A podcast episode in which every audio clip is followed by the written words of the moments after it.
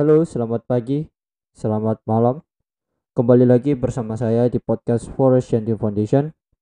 Pada kesempatan kali ini, saya akan membuat satu episode di mana episode ini akan membahas tentang esensi dari Katina.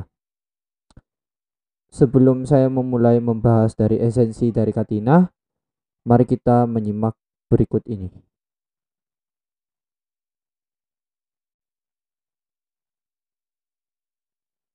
Oke, sekali kembali lagi dan kita langsung akan membahas tentang esensi dalam Katina. Hari Katina dalam Buddhisme sangat erat hubungannya dengan sangga atau persaudaraan suci para biku atau bikuni. Sedang sangga sangat erat hubungannya dengan pelestarian dharma atau dhamma. Dengan begitu, jelaslah sudah bahwa esensi peringatan Katina adalah berkaitan erat dengan pelestarian Dhamma. Hari Katina menandakan berakhirnya masa wasa yang merupakan salah satu kewajiban yang dijalankan oleh para biku selama tiga bulan setiap tahunnya.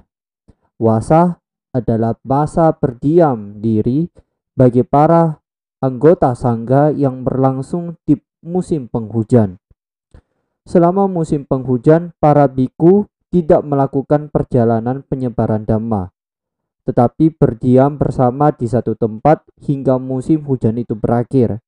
Pelaksanaan wasa ini ditetapkan semenjak zaman Buddha Sakyamuni pada sekitar 2500 tahun yang lalu. Nah, pada zaman sekarang masih diterapkan hal semacam ini yaitu masa wasa masa lamanya suatu biku berdiam diri pada masa musim penghujan. Jadi biku itu misalnya salah satu anggota Sangga Theravada Indonesia, biku saya ambil contoh saja satu biku misalnya biku Jaya Silo. Beliau berdiam diri di wihara Siripada. Nah, beliau pada saat masa wasa beliau berdiam diri di wihara itu saja, tidak pergi ke wihara mana-mana tidak keluar dari wihara Siripada. Jadi beliau cuma berdiam diri di wihara Siripada selama tiga bulan waktunya. Nah selanjut, masa wasa selain memberi waktu pada para biku untuk melatih diri setelah sepanjang tahun sibuk melayani umat, juga merupakan salah satu perwujudan cinta kasih universal atau meta karuna pada semua makhluk hidup pada musim penghujan, banyak binatang kecil melata yang berdiam dalam tanah sepanjang hujan, sepanjang musim panas atau kemarau akan keluar dari tanah. Di zaman itu, para anggota sangga melakukan penyebaran dhamma dengan berjalan kaki sehingga sangat besar kemungkinannya para binatang tanah yang kecil dan lemah itu akan mati terinjak oleh para biku yang melakukan perjalanan penyebaran dhamma walau secara tidak sengaja.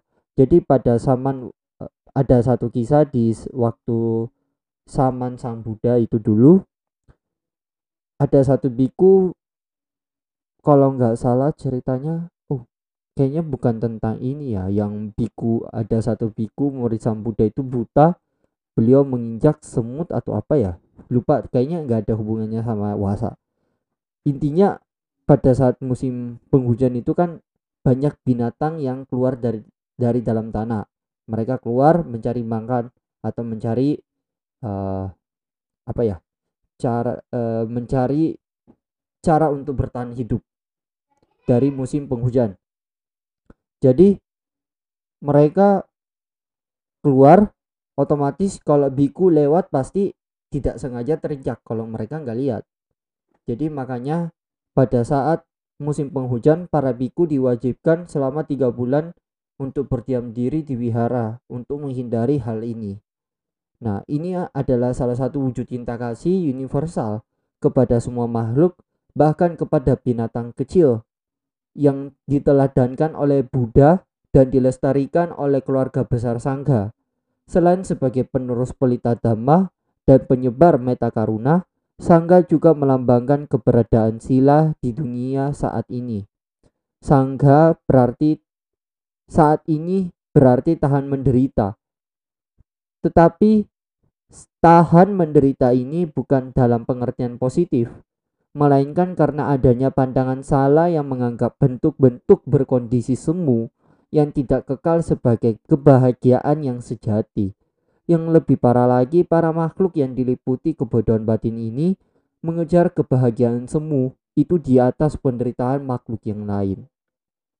Oleh sebab itu, agar supaya dapat benar-benar dan dari terbat dari terbebas kekeliruan pandangan salah ini, para siswa Sang Buddha harus mengembangkan kebijaksanaan, yang mana kebijaksanaan ini berdiri di atas dasar pondasi sila yang kokoh. Ini juga berarti sila yang kokoh adalah dasar dari Buddha Dhamma.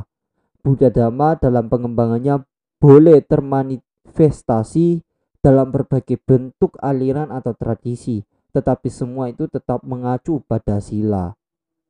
Mungkin sebelum saya lanjutkan, kita simak berikut ini.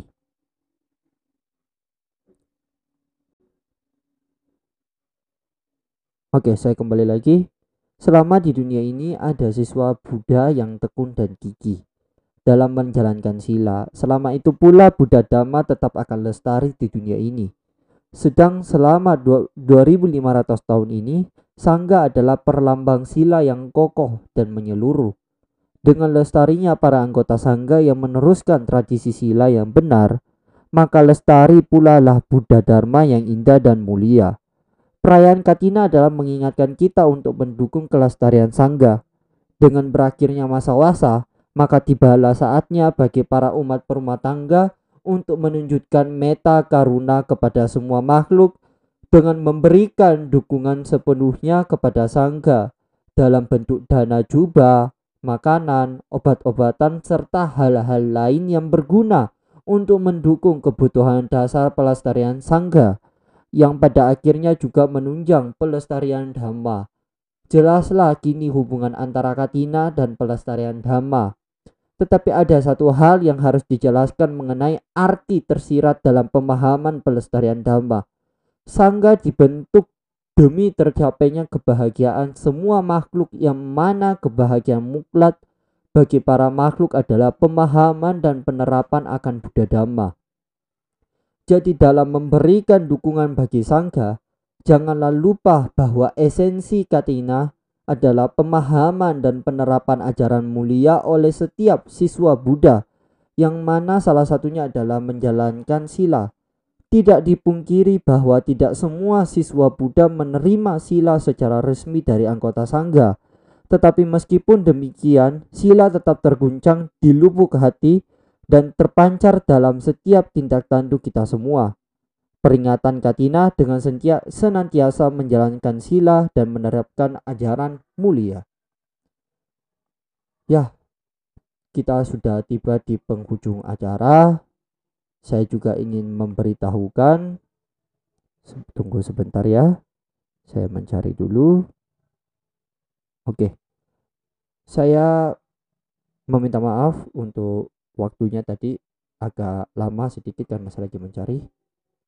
Saya ingin mengungkapkan turut bermudita cita kepada biku anggota Sangga Theravada Indonesia yaitu yang mulia Biku Atik Medo Mahatera yang sudah mencapai 30 wasa yang mulia Sadawiro Mahatira mencapai 30 wasa yang mulia Sri Subatanyo Mahatera 30 wasa yang Mulia Abhyanando Mahatera 20 wasa, Yang Mulia Dhammamito Tera 10 wasa, dan Yang Maha Jaya Medo, Yang Mulia Jaya Medo Tera 10 wasa.